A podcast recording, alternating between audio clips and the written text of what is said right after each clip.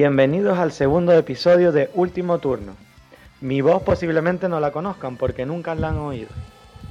A continuación, vamos con los verdaderos miembros de Último Turno. Buenas, aquí un servidor Jaime. Hola de nuevo a todos, soy David. Y yo soy Pablo. ¿Y quién es esa voz que hizo esa presentación?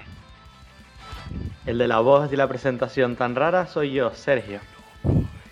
Oh, Sergio, bienvenido al equipo de último turno. Le damos la bienvenida oficial como miembro activo con todas sus consecuencias. Toma, toma, toma. Gracias. Y gracias a ti por lo que vas a hacer. y bueno, vamos a empezar a hablar un poco sobre lo que va a tratar este segundo episodio. ¿Os parece? Vamos allá. Muy bien. Pues en este segundo episodio vamos a empezar con una sección que van a ser audio reseñas, donde hablaremos así de manera mm, para los jugadores no experimentados sobre cada juego de los que tratemos en, esta sección. En este segundo episodio, como es el primero, vamos a hacer un, un número interesante de reseñas, entre las cuales están la del Celtis de Rainer Nisia, la Skull and Roses de Herb Marley, el No Gracias de Thorsten Gimler, y David continúa con los siguientes. También tendremos la audio reseña del Ligreto Dados de los amigos Inca Bran y Marcus Fran, el Warriors de Mike Elliott y Eric M. Lang y el Sanderstone también de Mike Elliott. También hay que decir que luego seguiremos con, el con una pequeña introducción y hablar un poco sobre el Festival Internacional de Juegos de Córdoba y las Edge Days. Aparte, las primeras jornadas lúdicas que vamos a montar el próximo 15 y 16 de octubre, que concuerdan con el Open Warhammer de Canarias. Y eso será el punto y final del episodio de hoy. Bueno, también vamos a comentar lo, lo que nos han, los comentarios que nos han hecho del primer podcast, que los agradecemos muchísimo. ¿Los leemos ya o al final? Sí, ya mismo, vamos a empezar a ver si, si no se nos va la pinza y los podemos hacer un poco las recomendaciones que nos han comentado. Vale. Ah, Pues tú mismo, Pablo. Venga, va. A ver, eh, Kabutor KD Day nos dice, divagáis mucho en el podcast, si no, hay nada, si no hay nada más que decir de algo, pasar al siguiente tema o cortarlo en la postproducción. Es decir que sí, después de, de escuchar el primero estoy totalmente de acuerdo, que hay a lo mejor mucho diálogo innecesario, que nos fuimos un poco por las ramas y vamos a intentar arreglarlo en este. Luego Rorqual, del primer comentario que he leído, dice que sí, que la misma opinión, que no nos enrollemos, procurar no decir eh, Eh, cuando te quedas pensando, ¿no? Y subir un poco nuestro volumen, que bueno, yo el volumen no lo vi mal, pero si hay que subirlo más se sube. Eh, ¿Qué más? También el, el Rorqual nos dice, como opinión personal, que a él no le gusta la musiquita sonando de fondo, pero es una opinión 100% personal. Y después, el último comentario que nos han hecho, Sergio.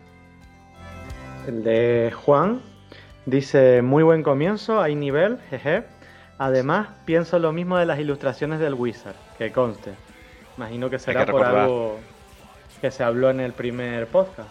Y recordamos lo que dijimos de las ilustraciones del Wizard en el primer episodio, o mejor no lo decimos y que la gente lo descubra por sí mismo. Que lo escuchen. Lo escuchen. Una mierda de ilustraciones. David, por favor. ¿Es verdad? Ya, pero no lo digamos tan duramente. Mejorable. Una mierda de ilustraciones. Mejor. Después, también hay un último comentario que lo va a leer David. Pues un tal Sergio comentó, muy muy bueno el podcast chicos, muy entretenido, además lo mejor las cosas claritas como son. ¿Ves? Como Yo decía. Las ilustraciones, un pestuño, lo sabemos. Pero bueno, ¿qué le vamos a hacer? Ya dimos nuestra opinión en el programa pasado y vamos a seguir lo que nos em, concuerda en este episodio. O sea, vamos a empezar con las audio reseñas. ¿Quién quiere empezar? ¿Alguno que se siente identificado? Y auto identificado con la reseña, pues nunca. ¿Algo del Kelty? No me ha pasado nunca. Pero Pues mira, vas a empezar tú, por hablar. básicamente. Bueno, vale. eh, el primer juego es el Celtis, de, como dijeron, de Reiner Nisia. Pues se trata de un juego de, bueno, de puntuar sobre un tablero con una especie de... Imagino que es a modo de columna de piedra, algo así. Tú tienes tu- tus tokens y tienes que moverlos puntuando en un tablero. ¿Cómo se puntúa? Pues te dan una serie de cartas numeradas, si no me equivoco, del 0 al 9, ¿no? Ah, del 0 al 10. Del 0 al 10, vale. Y bueno, son cartas de cuatro colores, de, con todos los números, y hay que hacer una escalera hacia abajo o hacia arriba. Digamos, si yo empiezo, por ejemplo, desde la carta 0, pues solo puedo poner del 0 hacia arriba. Si repetir incluso dos veces la misma carta. Sí, claro, o repitiendo. Si pongo la carta 5, pues yo decido si voy hacia arriba o hacia abajo, pero nunca hacia los dos sitios. ¿Para qué sirve esto? Cada vez que pongas una carta de un color, tienes la oportunidad de mover una ficha y puntuar. Avanza una la ficha del color de la carta. En el color de la carta, exacto.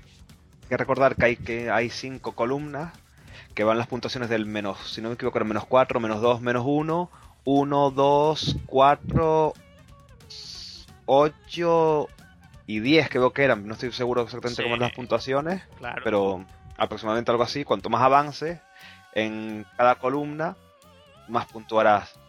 Y bueno, lo que interesa es salirse primero de la zona negativa y ya a partir de ahí pues empezar a, a llegar más arriba. Y bueno, uno de los tokens, si no recuerdo mal, tiene el doble de altura y ese token, ese token va a multiplicar por dos la puntuación que saque. Eso significa que cuanto más allá llegues con ese en particular, mejor porque vas a sumar mucho más puntos. Si consigues llegar al tope, que son 10, vas a ganar 20 puntos solo, por ese. Solo con ese, que ya es bastante, ¿no? Y por el camino, por aparte de puntos por llegar más allá, también te encuentras con una serie de fichas, que hay algunas que, por ejemplo, son puntos y más, que las recoges cuando llegas, más dos puntos, más un punto, lo que sea, ¿no? Otras que son la posibilidad de mover otra al mismo tiempo, gratuitamente, sin usar cartas. O sea, tú te pones sobre esa en concreto que tiene un dibujo y puedes coger otra de tus fichas y moverla a un espacio. Incluso esa misma, y puedes hacer varios combos. Esa misma, sí, claro. Y si con otra vuelves a caer sobre la misma ficha, pues puedes volver otra a mover otra más y así sucesivamente, ¿no? Y la última es la ficha de una especie de piedrita verde, que es otra manera de puntuar. Me parece que si no consigues ninguna piedra verde te dan un par de puntos negativos. Si consigues una, a lo mejor te dan menos uno. Si consigues dos, te dan cero. Y a partir de dos ya empiezas a puntuar un poquito más. Y bueno, más o menos eso, ¿no? No sé si me dejo algo así las instrucciones. Yo creo que básicamente era eso. El juego se acaba cuando se llega a las tres últimas piedras de arriba. Entre ah. las cinco columnas ya haya más, haya como mínimo cinco piedras entre, entre las cinco columnas, es cuando se acaba la partida y se lleva a, cabo el sumatorio de puntos dependiendo de dónde estén las piedras. Los únicos, los únicos puntos que vas coger siguiendo entre el camino son los de las, las fichas que ha dicho Pablo, que son de uno, dos o tres puntos. Exacto. Y yo creo que ya está, ¿no? Bueno, básicamente. podemos dar una opinión rápida. No sé. Básicamente, ese es el mecanismo del juego. Sí. Ahora, cada uno podemos dar nuestra opinión para saber exactamente qué es lo que opinamos del juego. Desde cuatro puntos de vista diferentes, que es mejor que el de uno solo. El juego, el juego es de, de Devir, ¿no? Es un juego sacado por Devir, de, como Pablo ha dicho, de Rainer Nisia, uno de los autores que ha sacado un montón de juegos, de los que Devir tiene un montón de juegos de él. Y que la verdad que a mí personalmente me gustó bastante desde que lo he probado. Y es un juego bastante fácil de jugar, fácil de explicar.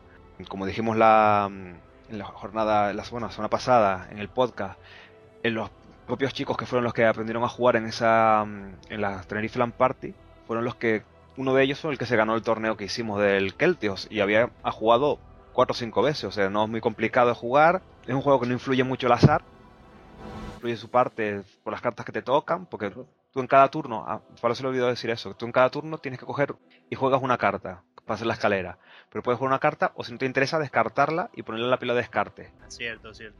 Una carta que, después, no te va a servir para nada, la puede, te la puedes quitar encima. Después tú puedes robar o de la pila de descartes la que esté más superior de cada una de las columnas de cada color o coger una que no es de la pila normal. Son las dos formas que puedes coger las cartas. También es importante ver cuál descartas para no favorecer al siguiente, porque si descartas una que va a, favorecer al, siguiente jugador, pues medio jodido. Te tienes que coger y ver entre las cartas que te, que te interesan, si te, si te, interesa más jugar una carta o esperarte, eh, robar una carta de las que más te vengan a ti bien y después descartarte o tienes que ir pensando un poco de cómo hacerlo y sobre todo intentar, si sacas todas las piezas, que todas pasen como mínimo, a la zona que puntúa un punto. Porque si puntúas negativo ya, ya vas mal. Es interesante no puntuar negativo.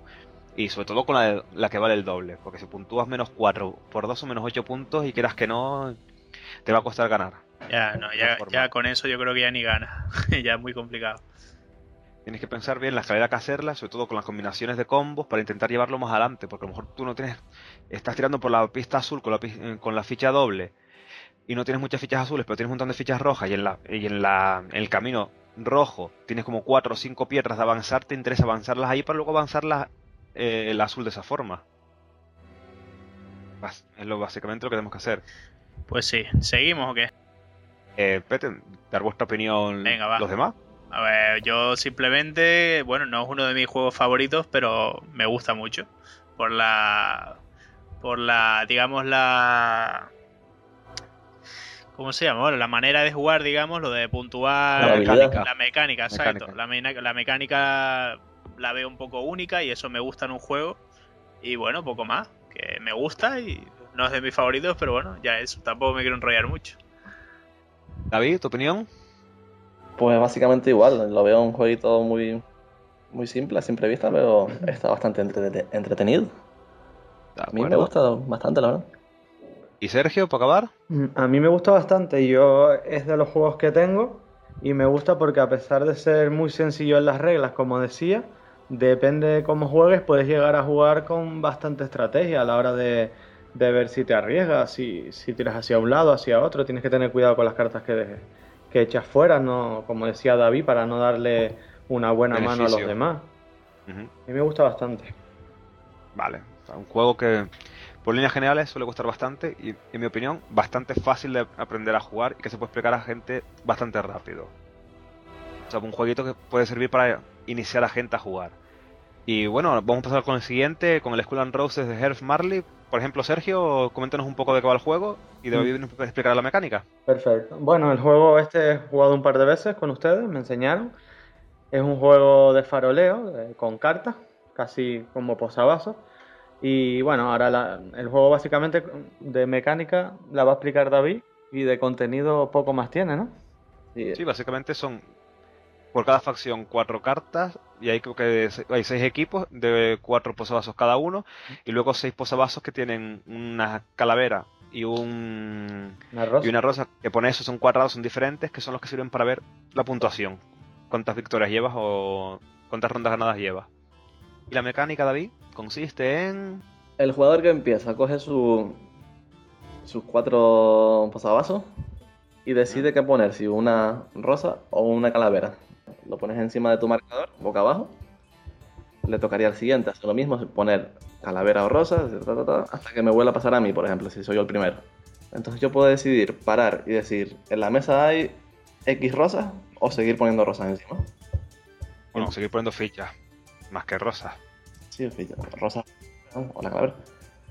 Y así hasta que alguien lo pare y acierte o no. ¿Cómo aciertas y cómo fallas? Pues si dices, hay, creo que hay cuatro rosas en la mesa. La primera que vas a levantar siempre es la tuya, con lo cual tienes que dejar siempre una rosa arriba. Y después ya eliges a quién levantarle. Si eliges y son rosas, gana. Pero si eliges y alguno tiene una calavera, pierde. ¿Qué pasa si pierdes? Te quitan una- uno de los posavasos al azar. Si ganas, pues a tu marcador le das la vuelta y por la parte de atrás es como negro. Y eso va a indicar que has ganado una ronda. Cuando ganes otra, otra ronda más, ganas el juego. También lo que decías, es una de las mecánicas que puedes hacer, uno de los faro- faroles que puedes hacer es en plan ser tú el que apuesta, tener tú la rosa, la calavera arriba, y cuando alguien pase y diga cuánto otro tiene más calaveras que tú, tú pasas, que él te levante la tuya pensando que tú tienes una rosa y se la metas doblada. Claro, como todos los juegos de apuestas, se puede ir subiendo la apuesta. Si yo digo que tengo tres, le toca al siguiente, pues él puede decir, yo creo que hay cuatro. Y así hasta que alguien, hasta que todos A que, alguien- pasemos, a que- a que todos pasen y vuelva a tocar a él. Entonces él ya tiene que empezar a... Es cuando él resuelve y levanta, primero que nada, su primer posavasos. No todos, solo su primero. Después ya puede elegir a quién levantarle, como si quiere levantarlos todos los suyos. Pero el primero siempre tiene que ser el primero de arriba, el suyo. La verdad que a mí personalmente el juego está entretenido, está divertido para jugar así en grupitos, para farolear un rato. Hay otros juegos del estilo, por ejemplo el Perudo, que son también del mismo estilo que también que está divertido, pero es en plan, es un jueguito party para reírte un rato. Yo lo recomiendo, está bien, sobre todo a la gente que le gustan las ilustraciones y tal, le gustará porque el juego está bastante bien ilustrado, bien cuidado. Lo, lo único que son un poquito, eso, el juego en sí son los las fichas en plan forma de posavasos, pero... Y las fichas y la textura, es como muy bar de moteros. Sí, el juego el juego también se llama el juego de los moteros. Lo pone en un lateral. Yo creo que está un poco inspirado en eso, así que realmente la, la, la, forma de juego, la forma de las cartas y de las ilustraciones y tal está muy bien. Mm. Pero el juego es demasiado party para mi gusto. Sí, es, party party. Para jugar en medio en lo que te generas otra partida de otro party. Sí, rezos de, mm. de refresco. Es un juego para descansar un poco así entre unos cuantos juegos durillos para reírte un rato y tal. O para, o para jugar con gente que no le guste tanto unos Eurogame o un jueguito así más duro. Para tenerlo así un poco en plan, para las tipos de jornadas o si una chiletada o, o algo así. Pero no para en plan dedicarle toda una tarde a jugar ese juego. Bueno, pues la opinión yo creo que está dicha ya todos, ¿no? Divertido, pero para usarlo de refresco, vamos, entre juego y juego. Sí. Exacto. Pasamos con el siguiente, que es el No Gracias de Sorten Gimler. Que. ¿Explico yo mismo de, qué va? Venga, vale. Venga. Eh, pues el No Gracias es un juego en el que el objetivo es conseguir el menor número posible de puntos. Cada punto te va a restar, te va a ir restando, como bien dice, puntos a tu total. Y el juego empiezas con una cantidad de fichas que, si no recuerdo mal, eran dependiente del número de jugadores. Y esas fichas van a ser como los puntos positivos al final de la partida y también te van a servir para pasar las cartas. Las cartas van desde el 3 hasta el 35. Están numeradas. La, carta de 3 te vale 3 puntos negativos y la de 35, 35 negativos. Al principio de la partida se descartan al azar, si no recuerdo mal, eran 10 cartas. Con lo cual ya sabes que no van a estar todas las cartas y puede ser cartas. Creo que 9. Aleatorias. ¿El qué? Creo que eran 9. Creo que eran 10. Bueno, da igual te descarta un número determinado de cartas al azar y ya sabes que no van a estar todas las cartas ahí disponibles. ¿Para qué es esto? Si tú consideras hacer como mínimo una escalera de dos cartas, por ejemplo, tienes el 34 y el 35, solo te va a puntuar la más baja de las dos. O sea, eso te puntuaría negativamente 34 puntos. Si estuviesen todas, es mucho más fácil porque sabes que no, no, hay ninguna que falte y puedes intentar hacer las escaleras y sabes quién tiene las demás cartas. Pero faltando 10 que no sabes cuáles son, es arriesgarte a coger una carta alta esperando hacer una escalera que a lo mejor luego no te venga. Dices tú, vale, yo tengo el, tengo el 32, 33, 31 y el 35. Me las he jugado a coger eso, pero después no te sale el 34 y puntúas menos 31 y menos 35 puntos. Y es un poco complicado. ¿Cómo va el juego? Se saca una carta. El jugador que está en posición del turno, si la carta le interesa, se la coge. Si no, dice no, gracias y le pone una fichita el siguiente decide lo mismo, o pone una fichita o se las coge. Cuando llega el turno de alguien de que haya pasado y la quiera, se la coge con todas las fichas que tenga encima. Decide si coger carta o no, pasas al siguiente. El siguiente lo mismo, así hasta que alguien coja la carta con las fichas. ¿Cómo pasas de coger carta? Poniendo la fichita encima. No, gracias. No, gracias y pones una ficha encima. Y así hasta que un jugador decida si se coge todas las cartas, bueno, si se coge la carta con todas las fichas o no. El que ha cogido la carta saca otra carta y tiene el derecho de decir si esa que acaba de salir la quiere o no. Y así, ronda ronda hasta que se acaben todas las cartas. Después se ven las combinaciones de cartas, las escaleras que haya, y se vayan restando los puntos, bueno, se van sumando los puntos negativos y luego le resta la cantidad de fichas. El que menos puntos tenga es el ganador. Muy bien. Es un juego, es un juego sencillito. Que a lo mejor así explicado parece un poco más complicado, pero es un juego bastante fácil. como el anterior. Desde un juego party. turno ya no mm. pilla. Y es un juego party, como el anterior. En plan, para echarte unas cuantas partidas, a lo mejor entre que eh, termines una partida de un juego más duro y estás esperando para jugar a otro así, o para jugar con gente que no esté muy iniciada, viene bien como para iniciarlos en este mundo de los juegos de mesa. A mí me gusta bastante, es entretenido y el rollo de, pasar, pasar y que la gente vaya poniendo la ficha del no gracias, hacerlo tu adredes para llevarte todas las fichas rojas está muy, Tiene su punto, tiene su punto. Mm. Es un juego también puedes putear a los contrincantes en plan, sabes que el otro le viene bien esa carta, tú te la llevas antes para joderle al, al rival. También, también tiene su puntillo de, de puteo, pero es un juego eso, quieras que no, es un juego party. No está mal, pero un party. Sí, pero yo creo que en este, en este juego en concreto, lo del puteo a veces te sale carísimo, porque Sí. imagínate que yo estoy haciéndome una escalera del 30 y pico hacia abajo, y uno por la gracia me coge una carta que tenía yo en medio que me faltaba. Pues quieras que no, ya son a lo mejor menos 32 puntos que se lleva el otro por intentar joderme la jugada. Que a lo mejor no gano yo ni gana él, pero el otro gana seguro. Pero el gusto que da. Sí, eso es verdad. Pero, pero bueno, eh, de, resto bien. eh, yo lo probé, no he jugado demasiado este juego, pero la verdad es que la primera vez que jugué me dejó buen sabor de boca. Lo veo un juego muy party también y rapidito. De estos que se pueden jugar en casi cualquier lado, porque solo son cartas, cartas tamaño estándar y fichitas rojas que bueno, son contadores. Y ya está. Y bien, lo veo un juego agradable. Me gusta, no sé, me recuerda a los típicos juegos de la baraja española, de, de hacer escaleras y tal. Y bien, está bien. Ok, ¿y Sergio? Yo la verdad es que solo he jugado una vez a este juego, entonces no me gusta dar opiniones de juego que solo le he dado una oportunidad. La primera partida me gustó, pero no he vuelto a jugar más para, para probarlo Perfecto. ya después, cuando ya sabes. Pues nada, pasemos al siguiente, que es un jueguito también así sencillito, bastante entretenido, que es el Ligreto Dados de Inca y Marcus Brown. Este es de los más entretenidos que me parece a mí de, de este tipo. Pues explícalo tú, Sergio. Este se, se jugó mucho en la LAN Party. Sí, Sí. uno de los que se jugaron bastante. Bueno, esto simplemente, sí, es un juego de dados en lo que cada jugador se reparte una serie de dados, dados normales de 6 caras. Y, y, bueno, depende del número de jugadores, se mete en una bolsa un número 2 que pueden ser de 5 o 6 colores, son, ¿verdad? Cuatro. Cuatro colores. rojo, vale. ro- Rojo, amarillo, verde, y, azul. azul. Entonces esos mismos colores están en un tablero. Pues el tablero tiene cuatro columnas, una de cada color y, y lo que sería el, el equivalente a la cara 1, número 2, número 3 del dado. Entonces simplemente se meten en un cubo, se tiran los dados y es, ahí ya pasa a ser un juego de rapidez. Tienes que coger el dado por las caras que han caído e intentarlo poner en el tablero. ¿Dónde está la dificultad? Que se tiene que hacer en orden. Es decir, si tú tienes el 2 azul y nadie ha puesto el 1, no lo puedes poner. Pero desde que pongan el 1, el primero que ponga el 2 es el que ocupa el lugar y el resto te lo queda. De manera que los que sobre lo vas metiendo al cubo otra vez y se va tirando sucesivamente hasta que uno se queda sin dado. Hay que recordar que se juega solo con una mano. Sí, se juega solo con una mano, tanto para tirar el cubo como para ponerlo. Entonces, lo, a mí lo que me gusta de este juego es que lo veo como el típico juego loco.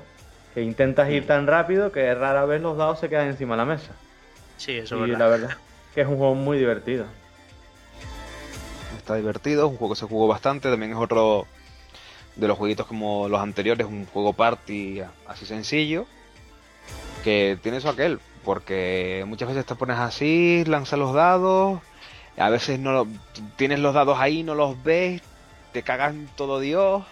Es un juego curioso porque, el- como bien dijo Sergio, la, la agilidad visual y la velocidad es lo que influye en este juego. Y como, fa- como falles un poco, te quedas con tus dados y no puntúas. Mm.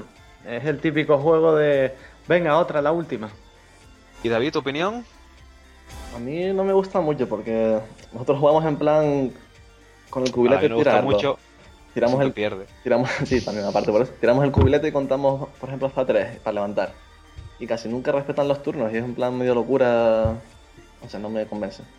Lo, lo jugaran bien, pero como la gente se acelera demasiado.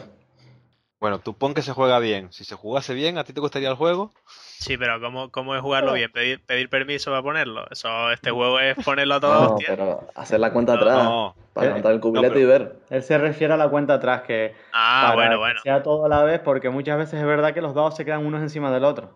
No Entonces, para que quede bien, se pone, se cuenta tres y se levanta. Y lo normal es que cuando estás contando el 2 ya todos estén levantados y colocados. Sí, Ya. un poco caótico. Pero bueno, en teoría el juego es así. Es eso. tirar, levantarlo y ser el más rápido. A mí no me convence mucho. Me gustan más Bueno. otro tipo de juegos. Ya hemos dicho toda nuestra opinión. Y ahora vamos a pasar a una de las novedades que han llegado hace bastante poquito a, a la ludoteca. Y es uno de los juegos así decirlo, que han tenido un boom. Según parece la editorial, ha sacado casi 100 unidades. Que es el Warriors de Mike Elliott y Eric Emelan. Hay que decir que Mike Elliott, dentro de poco tendremos una entrevista con él en nuestro blog, que ya la leeréis, les preguntaremos sobre este juego y sobre el siguiente juego que vamos a hablar, que es el Sanderstone.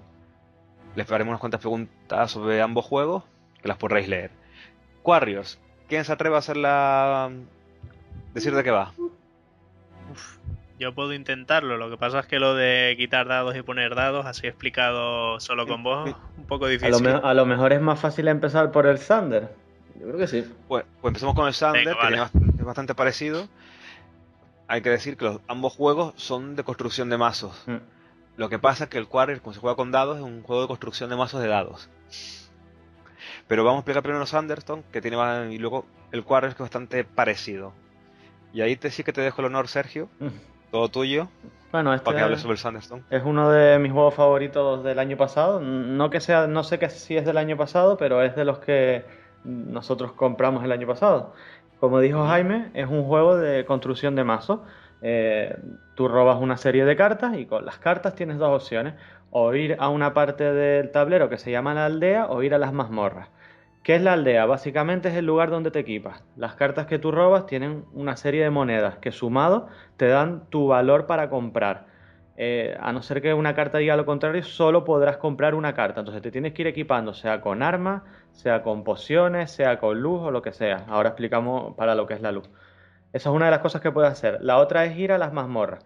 Eh, a diferencia a lo mejor de otros juegos, como pueden ser el dominio, aquí no, no solo haces el mazo por hacerlo, sino que los puntos se consiguen yendo a la mazmorra y atacando monstruos. Entonces, cuando vas a la mazmorra, simplemente eso, te enfrentas al monstruo y eh, si tienes la luz necesaria, porque te, te penaliza, hay tres niveles y cuanto más te metes, por así decirlo, en la mazmorra, más luz necesitas. Pues si lo, si, vamos, al final vences al monstruo, ganas una serie de, de puntos en el final del juego y una serie de, de puntos de experiencia en ese momento. Entonces, a lo largo de la partida tienes que un poco eh, tener ¿no? la balanza entre equiparte, pero no dejar de atacar, que es la única manera de, de ganar puntos, quitando alguna que otra carta. Para mi gusto, es un juego muy divertido. Ya tiene una serie de, expansiones, ¿verdad? En el, en el mercado. Y a mí lo tiene todo. A mí la verdad es que me gusta mucho, porque incluso las ilustraciones me parece una pasada. Es el típico juego que te compraría solo por ver las cartas. Y además eso, eh, es muy divertido. Quizás la pena para mí es que es para cinco jugadores. Pero no sé, igual para más jugadores, si, si no son muy rápidos jugando, se podría ser eterno. Puede ser. A mí la verdad que yo concuerdo con Sergio. Yo descubrí este juego hace bastante poco. Yo hasta sí, hasta que descubrí el Sanderstone no había, no, había tenido oportunidad de jugar ni al Dominion ni a ningún juego de construcción de mazos. Y la verdad que la primera vez que jugué me pareció espectacular. Yo sabía que el Dominion era de ese estilo, sabía que este también era de este estilo, pero no había podido jugarlo. Y el rollito de estar así viendo todo, mm, tengo tanta pasta, me compro esta carta que me va a venir bien, para luego poder intentar ir a la mazmorra, para intentar matar a este, para conseguir estos puntos. Tengo que estar pendiente de cuántos puntos llevan los contrarios para ver si te interesa, porque el juego acaba, hay 30 cartas de, enemigos y dentro de las últimas 10 cartas se baraja una piedra. Cuando la piedra sale y llega al final de la mazmorra, por así decirlo, sale de la mazmorra, se acaba el juego. Te interesa llevar un poco la cuenta de tus, eh, de tus, de tus rivales para saber si tú tienes más puntos que ellos, para si te interesa más mover la piedra cuanto antes para que salga o dejarla ahí para conseguir tú más puntos y tal. Tiene un montón de juegos diferentes porque cuando construyes la, aldea se construye con ocho cartas diferentes, ¿verdad, Sí, Sergio? ocho cartas ocho más, cartas. más cuatro fijas que son las básicas. Exactamente, son ocho cartas de las que puedes comprar cosas que dependiendo de cada partida van a ser completamente aleatorias y ya con las expansiones todavía más diferentes, con lo cual puedes tener mucha rejugabilidad a las partidas y ser completamente diferentes. En una te pueden salir muchas armas, en otras te puede salir falta de arma y un montón de luz, en otras te pueden salir cosas mágicas, en otras te pueden salir estás escaso de luz y tienes que ir a los monstruos simplemente a saco contra ellos. O sea, está bastante compensado lo que es el juego. Sí, porque cuando tienes falta de luz, que antes no lo dije, lo puedes compensar, solo que, por así decir, al no ver, no todos los golpes le dan. Entonces te restas menos tres puntos. Pero como dice Jaime, hay veces que por tener falta de luz, tienes que ir sobrado y a lo mejor saber que, que vas sin, sin nada de luz y vas a perder menos 12 puntos. Tienes que ir sobrado. ¿Menos 3 o menos 2, Sergio? Menos. Ah, es menos 2, ¿verdad? Menos 2, menos 2. Menos 2, menos 2. Menos 2 en la primera, menos 2, menos 4 y menos 6. A más profundidad se supone que hace falta más luz y al Claro. ver menos, pues cuanta menos luz tenga, más va a costar darle al enemigo. Menos el dato curioso de la ampliación ¿Sí? que nos contaban con el, el héroe nuevo Hay- que, que viene.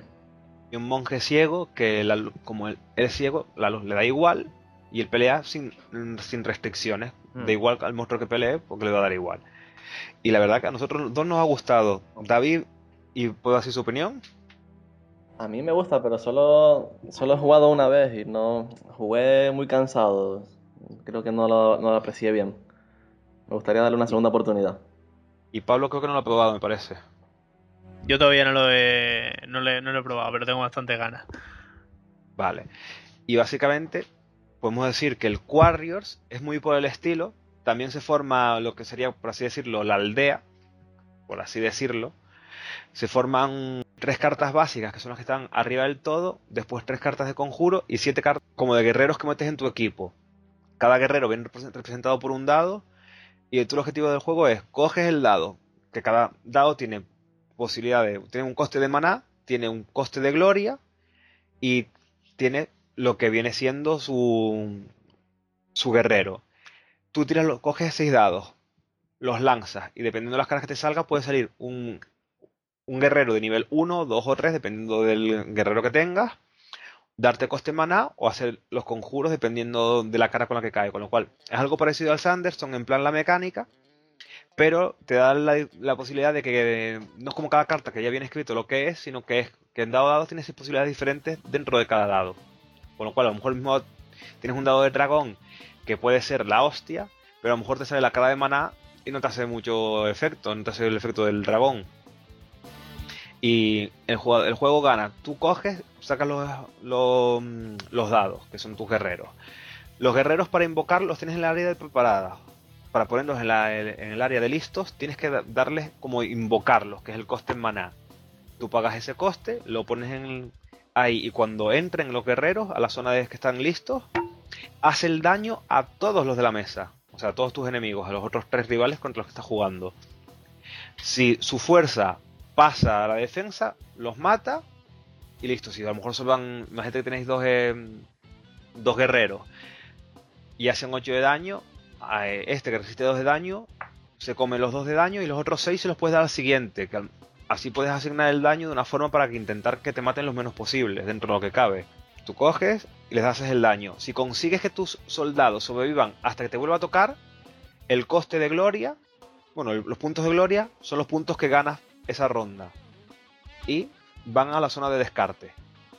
Cuando puntúas te puedes descartar de uno de los dados que menos te interesen para conseguir que sean más potentes. Básicamente esa es la mecánica del juego. ¿A vosotros qué os pareció, chicos? Pues a mí, hombre, yo es el que yo tenía ganas de compararlo con el Thunder, con el Thunderstone, el de antes. Pero bueno, por ahora solo he jugado a este y la verdad que fue una grata sorpresa. Me creo que no había jugado a un juego de este tipo todavía y me gustó mucho el rollo de poder comprar, poder tener tanta variedad para hacerte tu bueno, se dice tu mazo, pero en realidad son todos dados, ¿no? Pero vaya, tu equipo, tus monstruos y tu, tu, eh, tus hechizos y tal para llegar a ganar. Y bueno, bien, eh, tiene un tiene algo que creo que no tiene tanto el Thunderstone, que es bastante aleatori- aleatoriedad, joder. Y que vaya, que al final todo se reduce en una tirada de dados, que a lo mejor tú tienes un dragón, que eh, bueno, el- hay un bicho que es el dragón, que es de los más potentes, pero vaya, el dragón también tiene un par de caras, que no es el dragón, sino da maná. Y lo mismo con muchos monstruos, tú puedes tener uno muy tocho que lo tiras, haces la tirada y no te toca el monstruo, sino te toca otra cosa. O sea que que en ese aspecto me gusta porque bueno está es un poco que no porque tengas los mejores dados te va a salir una tirada muy muy bestia no te tienes que intentar arreglar con lo que tengas y bueno no sé qué más. Eh, ya cuando pruebe el Thunderstone daré mi opinión respecto a los dos que será más válida pero a mí este me ha gustado mucho. De hecho estoy pensando en comprármelo porque veo que ya que no tengo muchos juegos y este me ha gustado mucho pues lo veo una buena opción. A mí sinceramente me gustó, jugué una sola partida y me gustó bastante, pero me gusta más el, el Sanderson.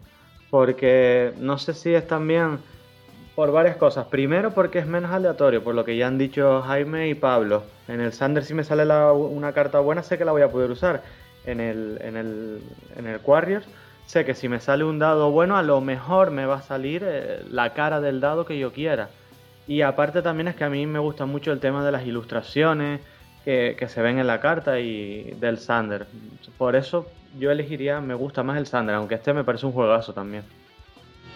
A mí me gusta bastante, he jugado una vez, pero lo que más me gusta de este tipo de juegos es en plan lo diferente que puede ser cada partida, porque eliges los mazos al azar, tanto este como el Sanderstone. Y lo único malo que le veo al, al Warrior este es que es solo para 4. Sí, eso puede un poco, pero en comparación Warrior Sanderstone, yo me quedo con el Warrior. Al Sanderstone quiero darle otra oportunidad, pero no me entró a primera vista como me entró el Warrior, ¿no?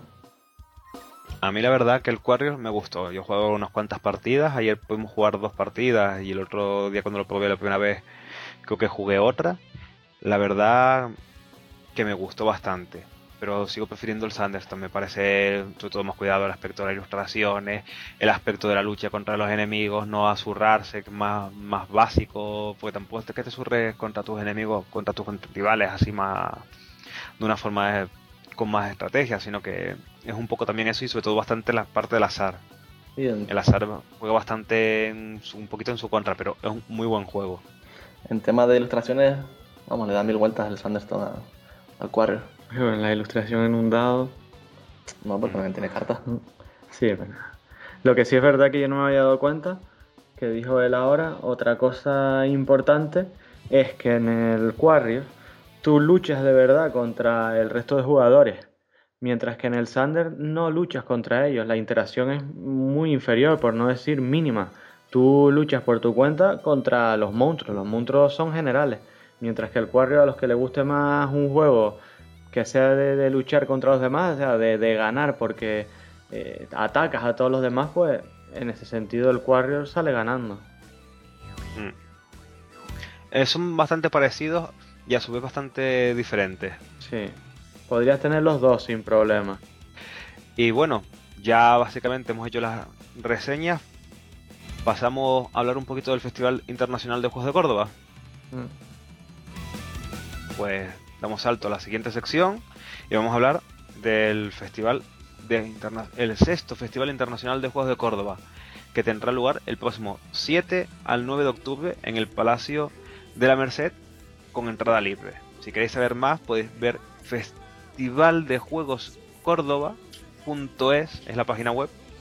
Pero en principio podemos, vamos a hablar un poquito de, lo, de qué consiste esta jornada para los que lo conozcan, que supongo que serán poca gente, ya que la mayoría es un festival bastante conocido, donde este año van a, a traer a varios autores internacionales, como comentamos la semana pasada, entre los que están Stefan Statler, que es el creador del juego Cuba eh, Los Pilares de la Tierra, Un Mundo Sin Fin, que es la siguiente novela de, de Ken Follett.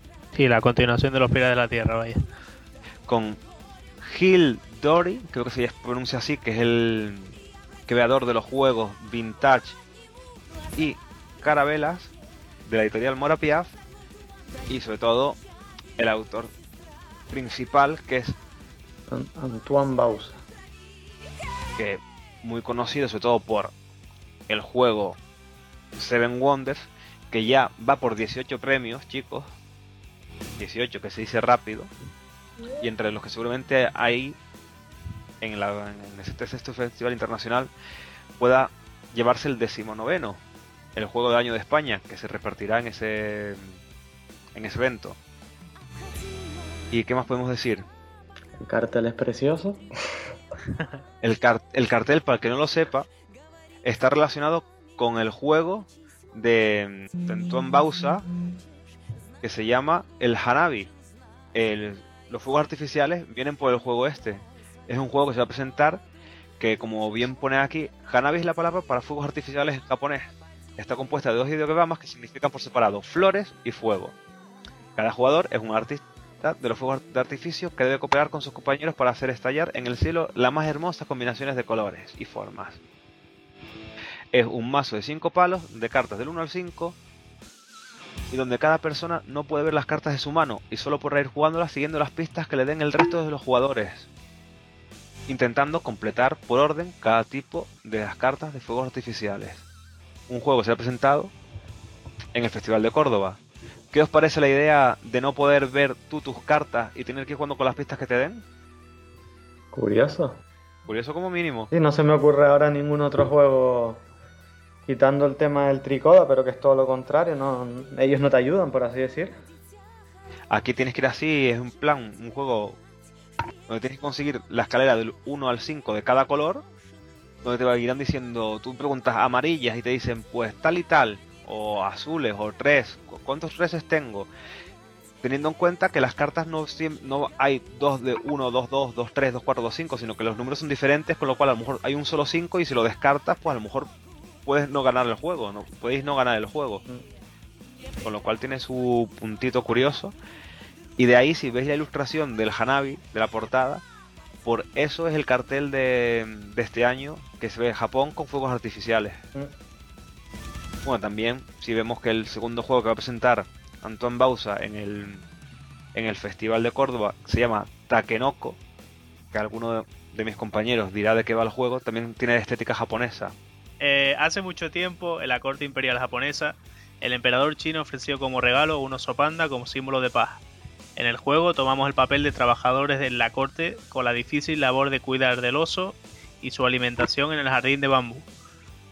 Deberemos cultivar la tierra y hacer crecer lo mejor posible las distintas variedades de bambú, verde, amarillo o rosa, con la ayuda del jardinero imperial.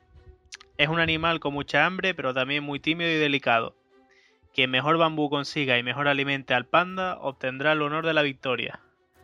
Madre mía. es un juego de máximo cuatro personas y que dura aproximadamente una horita. Y bueno, la temática.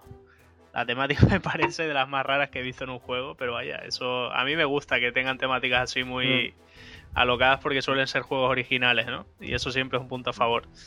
La maquetación que se ve ahí se ve. Sí, aquí viene una foto con los elementos del juego y tiene muy buena pinta, sí.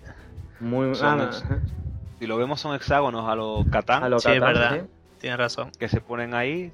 Parece como que también tienes vallas para poder vallarte a lo mejor tu, cultivos de los otros y como y como trocitos de bambú que se van poniendo unos encima de otros para ir cultivándolos como de más altura, si os dais cuenta. La verdad es que sí que recuerda al primer Catán, al que era que los caminos eran igual así de madera. Tiene, muy buena pinta. y la verdad que tiene buen aspecto gráfico, sobre todo los juegos de Antoine Bausa son bastante cuidados en el aspecto gráfico. Y no sé, no tiene mala pinta, habrá que verlos, los que puedan asistir ahí al Festival de Córdoba podrán probarlo en primicia y ya a ver si algún compañero de alguno de los otros blogs amigos nos lo, si lo puede probar ya le preguntaremos a ver qué le parece y que lo hable de él en, futuras ediciones del podcast y, y, bueno quería puntualizar. Eh, Pablo decías que te gustan las temáticas raras sí pues siempre pues siempre son agradables. ¿Por qué? Pues en el, porque el otro día escuché el podcast de los amigos de Ojo al Lado, de una radio de Zaragoza, y, Nikita, eh, una compañera de ellos y que es una tuitera, dijo que había escuchado una temática de un juego donde siendo renos tenías que intentar conseguir, ¿cómo era? Fecundar el mayor número de hembras posible. Qué bueno, Dios. no sé, yo cuando lo empecé a escuchar entre los entre mm, los dos de los dos que estaban espera era ojo al lado o mm, o me creo que creo que era ojo al lado el podcast bueno los dos compañeros no era la voz de su juego me equivoqué la voz de su juego los compañeros de la voz de su juego que son son los que estaban haciendo este podcast fueron los casi se mueren de risa pero casi se mueren literalmente cuando ella estaba explicándoles la temática del juego y casi me muero. Pero bueno, vamos a dejar de divagar, que fue una de las cosas que nos dijeron. Es verdad, es verdad. y vamos a centrarnos en el, en el Festival de Córdoba. Os recomiendo que escuchéis cualquiera de los dos podcasts, el de Ojo al Lado y Bis Lúdica. Un saludo desde aquí para los dos. Y bueno, también para la base secreta, amigos nuestros de Valencia. Y, y seguimos con los juegos que se van a presentar en Córdoba, que a lo tonto, a lo tonto, son unos cuantos. Sí, lo único decir que este que acaba de presentar Pablo, el Takenoko era, ¿no? ¿Sí? Otra vez de 2 a 4 jugadores.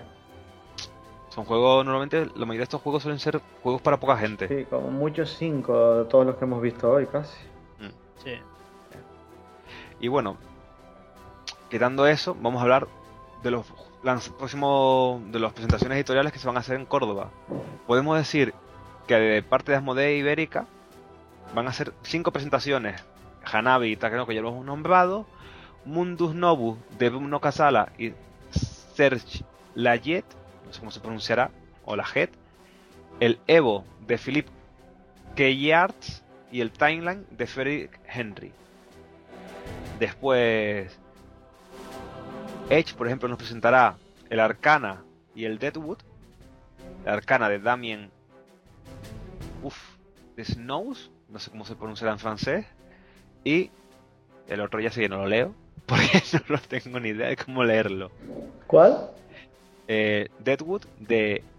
Loigi Lamy. Big Lamy, algo así. Pues. Eh, hasta. ¿Qué más lanzamientos hay por ahí, chicos? Es que aquí aparece Edigraphica Games con el Guka Croca, ¿Sí? graduado, que es graduado primaria de Jesús Sáez y graduado secundaria. Eso parece Sí, los, graduado- los libros de... Creo que son. Creo que son libros, Sí, ¿no? pero no estoy seguro. Y. Sí, es un juego de. Ludonova. Bueno, también está el juego de Impact Miniaturas y Dan Titan, Mm. que es el Passing Shoot, un juego de tenis de con dados, que tenía muy buena pinta. Y a ver si un día podemos a entrevistar a Dan por aquí, en nuestro en directo en el blog, en el podcast, quiero decir. Ludonova va a presentar Fortuna y el Santiago de Cuba, del mismo autor, San Michael, fíjate, Michael Riennick y Stefan Statler, uno de los que van a, a ir invitados al, al evento. También van a presentarse el Carabelas y el Vintage. Y luego algunos cuantos juegos que personalmente no conozco. Como algunos juegos de. algunos Wargames, por ejemplo los de Bélica tercera generación van a presentar el Punic Island de Francisco Ronco. Asylum Games va a preguntar el 21 Mutines. Mutiníes. Y el Polis. Fight for the. Bueno, pelea por la hegemonía. Y yo creo que básicamente los que vayan ahí van a tener disponibles un gran catálogo de juegos que van a hacer presentaciones. Y aparte de las, presen- de las propias presentaciones, también se entregarán unos cuantos premios. Que son el juego del año en España y aparte los premios del festival. Lo que hablábamos de, de graduado, Sí. de graduado de primera y secundaria, son juegos de mesa. ¿Un juego de mesa? Y de preguntas y respuestas eh, creados para, desarrollados ¿no? para lo que son los profesores. Pues de ahí, Ah, de ahí el nombre. Por profesor. Ah. Ah, perfecto. De tercero de primaria hasta cuarto de la ESO. Curioso, son como unas cajitas con 600 tarjetas cada una. Mira. Ah, y también están Runa Drake, que van a presentar el Galaxia SA, el Trench y el Lagones, de varios autores. Y por último, podemos decir que el- ahí se van a dar el premio de juego del año en España, entre los cuatro nominados que ya nombramos la semana pasada, y aparte los premios del festival, que son el premio JT arroba, autor de juegos en España, el premio JT arroba barranet que es a la mejor a la, a la mejor labor en internet en pro de los juegos de mesa y el premio del público que es el juego del festival donde se, votará el juego favorito del Festival Internacional de Juegos de Córdoba. Básicamente son unas jornadas donde podréis estar ahí jugando, viendo las presentaciones, van a haber tiendas para que pues, se puedan comprar juegos, o sea, unas jornadas que son espectaculares, ya como en la sexta edición. Y ojalá nosotros desde algún podamos ir a algunas de las ediciones posteriores. Que vamos a hablar un poco de los Edge Days que son los otros el otro festival que se va a hacer también en la península. Bueno todos los varios festivales que se van a hacer pero de los que más renombres tiene.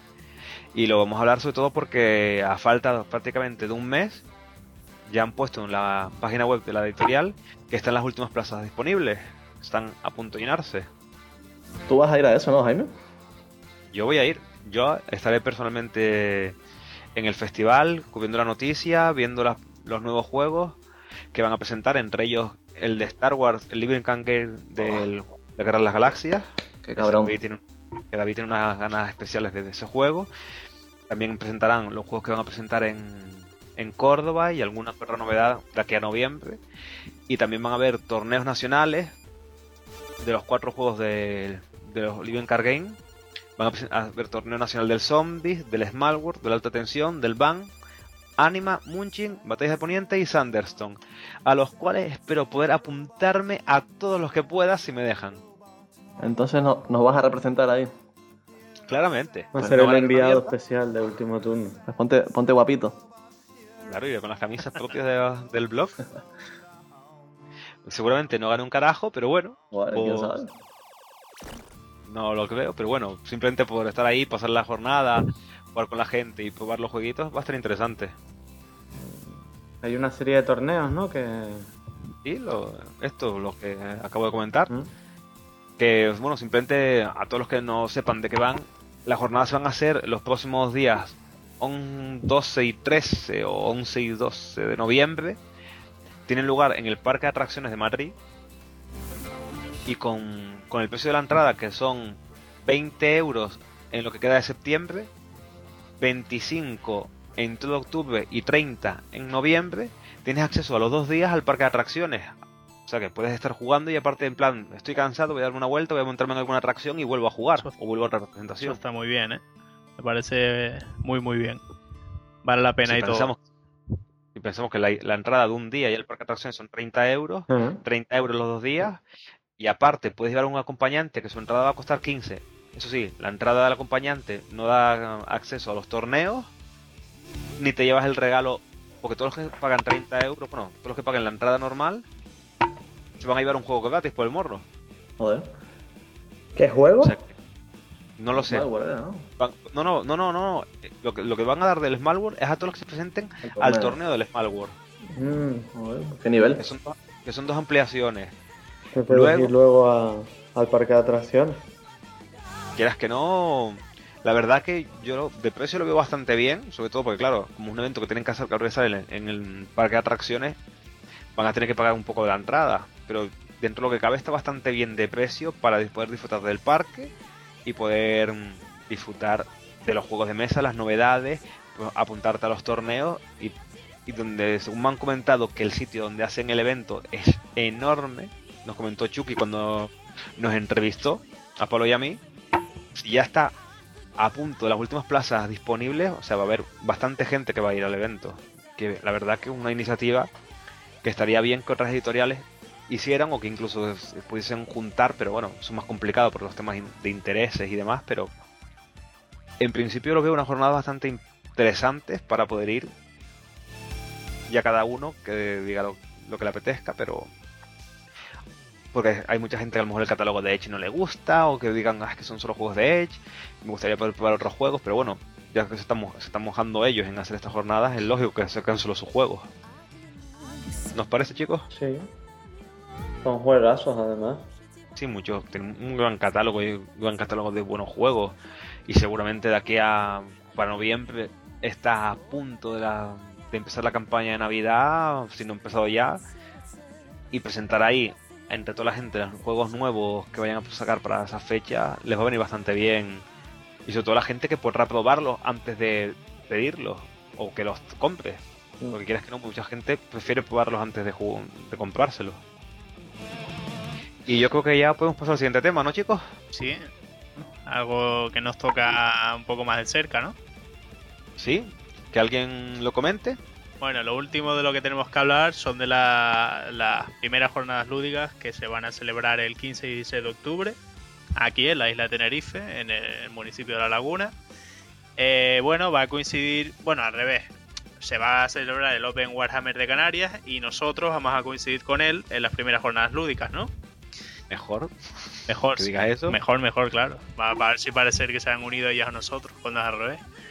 Verdad, ellos son los que se encargan de hacer el evento y nosotros son los que hemos ido ahí a, a dar un poco de variedad para que no sean solo Wargames en el evento. Exacto, lo- las anteriores veces siempre ha sido Wargames y esta vez pues vamos a estar nosotros y bueno, eh, con una- un catálogo de juegos para lo mismo que hicimos en Alan Party, en el salón del manga eh, para que la gente venga a jugar, enseñar juegos y veremos si podemos hacer algún tipo de torneo otra vez, que la otra vez salió muy bien.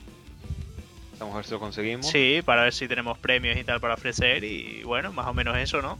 Ya no sé si tendremos la oportunidad de grabar algo desde allí o bueno, siempre podemos colgar fotos y vídeos, pero estaría muy bien grabar un poco desde allí.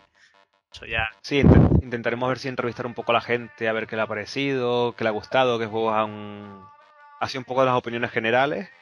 Y como no, no van a, no van a faltar lo que es las partidas de Hombre Lobo Castro Negro. Que ya hemos puesto el evento en Facebook, hemos puesto el evento en Twenty. La gente en Twenty me ha estado preguntando que si vamos a hacer partidas de Hombre Lobo. Y claramente van a haber partidas de Hombre Lobo como la que hicimos en el Different Party. Pues sí, para toda esa gente que quería repetir, ya sabe, tiene la, esos dos días la oportunidad de volver a, una macro partida que vaya, será, ¿Mm? será igual interesante que las pasadas ya. Y una cosa importante, ¿cuánto es el precio, Pablo? Mil euros. Mil euros. ¿Eh? Ni uno más ni uno menos. Nada, el precio no hay precio, es totalmente gratuito. Igual que las inscripciones a los torneos, o sea que no hay excusa para no ir. Eh, pasar un día perfecto. Mira que ya había gente en el salón del manga y era entrando, cobrando entrada, aquí es gratis. Y además es solo juegos de mesa y Wargames. Así que esperamos tener bastante gente allí y que sea una buena experiencia. Y que las disfruten. Y hay que decir que es, es en el centro ciudadano Las Matres del Patrancheta, en la laguna. Exacto, esto, bueno, para los que sean de aquí y lo escuchen, ya saben dónde es. Eso está al lado de la antigua estación de Guagua. Pues por allí está el preguntando se llega enseguida, está, está ahí al lado. Bueno, en, nuestro, en, nuestra página web, en el blog, pueden ver exactamente un pequeño mapita que hemos pusimos en Google Maps, con donde creo que aproximadamente está el centro. Si no está por ahí, está bastante cerca. Y bueno, yo creo que básicamente ya podemos dar por concluido este segundo episodio. Pues sí. sí. Otra horita de podcast, está muy bien. Adiós, una brisa a todos. David tiene un poco, David, es que tiene un poco de prisa. Sí, bueno. Y, bueno, pues nos despedimos hasta la próxima. Esperamos que sea la semana que viene, que podamos traer algún otro tema nuevo. A ver si podemos hablar un poco más de qué juegos dispondremos en, el evento y más cosillas así por el estilo. ¿Quién fue el, campeón del torneo King of Tokyo? ¿Verdad? Recordar este domingo, este sábado a las cuatro y media, torneo del King of Tokyo en la tienda cómic y mazmorra. Bueno, de sábado, día 1. Por si acaso, a pensar que es el siguiente. Mm. Pues bueno, un saludo desde aquí. Gracias por haber escuchado todos los dos episodios. Esperamos que os guste y esperamos vuestras opiniones. Si queréis mandarnos cualquier cosilla, eres un diseñador de juego y quieres mandarnos algún print and play, puedes contactarnos en podcast arroba, ultimoturno.com o si no a nuestro correo normal info arroba ultimoturno.com y listo. Espero que os guste y hasta la próxima. Despediros compañeros y damos paso al reportero. Adiós. Bueno hasta la próxima. Yo me despedí ya antes ya. David ya no está aquí. Esto es el fin ya, ya.